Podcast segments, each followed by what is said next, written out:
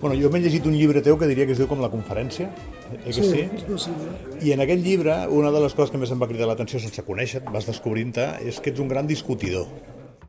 11 i 7 minutets. Uh, uh, esteu escoltant, i a més us ho hem tirat així perquè ja aneu connectant. Deixa'm, deixa'm la sintonia, per cura, no passa res. Uh, perquè ja aneu connectant amb un regalet que tenim avui al, al programa, un regalet que no us hem anunciat en els sumaris, però que sabem, sabem que us agradarà. Ahir va venir a Andorra a fer una conferència organitzada pel Comú de Sant Julià.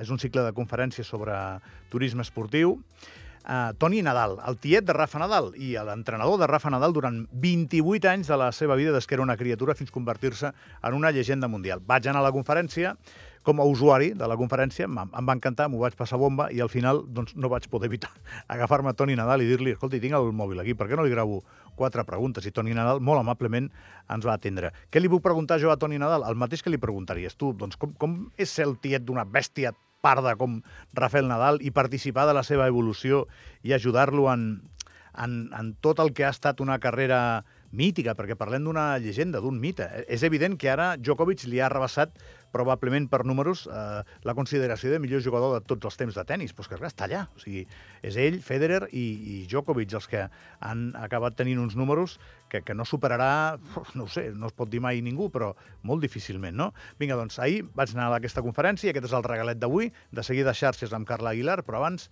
Toni Nadal.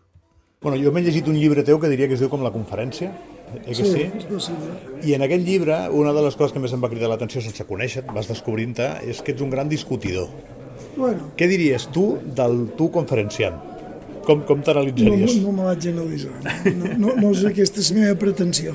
No, perquè em va, em va fer gràcia doncs, que gent es referia a tu, bueno, i als reportatges que he vist, com un tio que discuteix absolutament tot. Sí, m'agrada qüestionar-me tot, perquè entenc que les coses eh, se li ha de treure punta. Bueno, i forma part una miqueta de la teva identitat. No sé si ho hem vist a la conferència, aquesta facilitat que tens tu per, per qüestionar, per, per veure més enllà. Bueno, és que jo crec que quan tu t'agrada el que fas o t'agrada parlar, pues, o t'agrada discutir, pues, el que fas, fas és cercar arguments i mirar de, fins a on puc arribar. Després el que em crida molt l'atenció és aquesta normalitat, no? Has tingut una vida com a entrenador excepcional i, en canvi, tot ho tractes amb aquesta normalitat, com intentant fer-nos entendre que tot és normal, no? Bueno, és que jo crec que realment és així.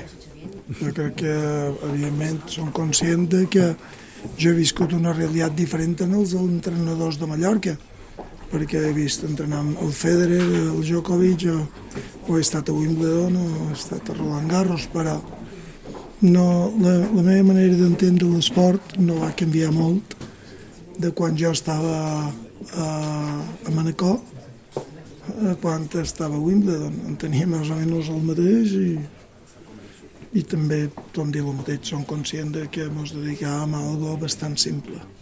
Després jo tinc tres nebots i m'imagino presenciant com es van fent grans i van fent el que, el que ha fet el teu nebot. Deu ser al·lucinant, això, no? Perquè, clar, tu l'estimes com a nebot, també. Sí, claro, evidentment, jo he passat moltes hores amb ell, però, bueno, també tenen d'altres nebots que, que no han fet d'altres coses, o els meus fills, i, i no, no, no, una cosa és el que passa dins la pista i, i evidentment hi ha moments pues, que he sentit una gran admiració per ell per veure com ha afrontat eh, partits o dificultats però bé, Bueno, jo crec que és una mica major. Qu- Quants anys tens tu ara, Toni? que són ja major que tu. Sí? Bueno, 53. Bueno, jo tenim la mateixa. Per això, no? Jo dic que Jo jo quan... tinc 63. Hòstia, doncs vale, ara, ara no recordava la teva edat. Estàs millor que tu que jo, però vaja, no parla bé de mi. No, anava a dir que quan jo vaig veure jugar a Bjorn per, durant molts anys vaig pensar que era la mesura de les coses, no? I vaig pensar, és impossible veure una cosa igual, no? Eh, I, cony, mira el que hem vist, no? Sí, sí, realment és així, perquè jo recordo un Borg que m'apareixia un, eh, bueno, tipus especial, i després pues, he pogut veure com el meu nebot no va guanyar sis vegades, sinó que em va guanyar, n'ha guanyat 14. Eh, el meu nebot és un nen de, de Manacor, d'un poble de Mallorca, amb unes bones condicions, però jo crec que el factor principal és que ja s'ha sabut des, desenvolupar fins al límit. I l'última. Uh, he vist també els darrers anys com un jugador de l'acadèmia vostra, Casper Ruth, ha arribat a ser un dels millors jugadors del món. Però hi ha una diferència entre aquest extraordinari jugador, per, per arribar al que ha fet Gaspar Ruta s'ha de fer molta cosa, va Sí, estar a punt de sí. ser número 1, no? Sí, sí. I aquests que no paren de guanyar, no? I no sé quina és, o no n'hi ha cap. Bueno, són petites coses, no és, no és una cosa concreta. És, eh, el drive del Rafael és un poc millor, el servei és un un poc millor del Casper, la volea és millor la del Rafael, al revés és millor el del Rafael, el córrer és millor el del Rafael, eh, l'habilitat és millor la del Rafael, pues, petites coses, això, això i això te fan que tu siguis un gran jugador o un tipus excepcional, evidentment. Quan diuen no, és que eh, la diferència, no, les diferències hi són per qualque cosa. Evidentment. I i una sí que última. No sé si coneixes Victoria Jiménez, la Vicky Jiménez, Sí, que és sí, la nostra clar. esperança. Què, Sí, què em sí. pots dir d'aquesta jugadora? Pues, és, la vaig veure, jo vaig venir a l'acadèmia fa un- uns anys, eh, quan era més petita, i vaig veure que, que era una nina amb un bon potencial. Ara no sé exactament quin número està, de seguida... sé que- bueno, et sé dir, Cent i pico. Sí.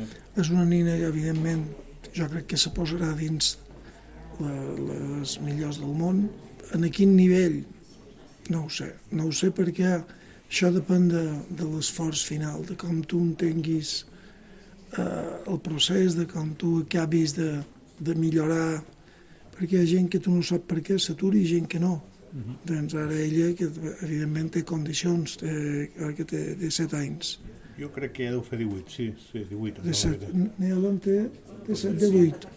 És 2005. Sí. I de, si de 8 en fan de 8 en guany, pues, bé, eh, saben que hi ha Nakov, que amb un any més pues, ha guanyat el US Open, saben que han de fer un esforç si volen tenir opcions de guanyar grans slams. Jo no sé quina és el seu, la seva aspiració. Bueno, va guanyar que- un Open d'Austràlia Júnior molt Sí, joveneta sí, ja ho sé, i, això ja ho sé. moltíssima atenció i ara suposo que està lluitant per... Però has de seguir i no t'has d'aturar. Però segur que serà una bona jugadora. Molt bé, gràcies, eh? gràcies per Molt la bé, faltaria més.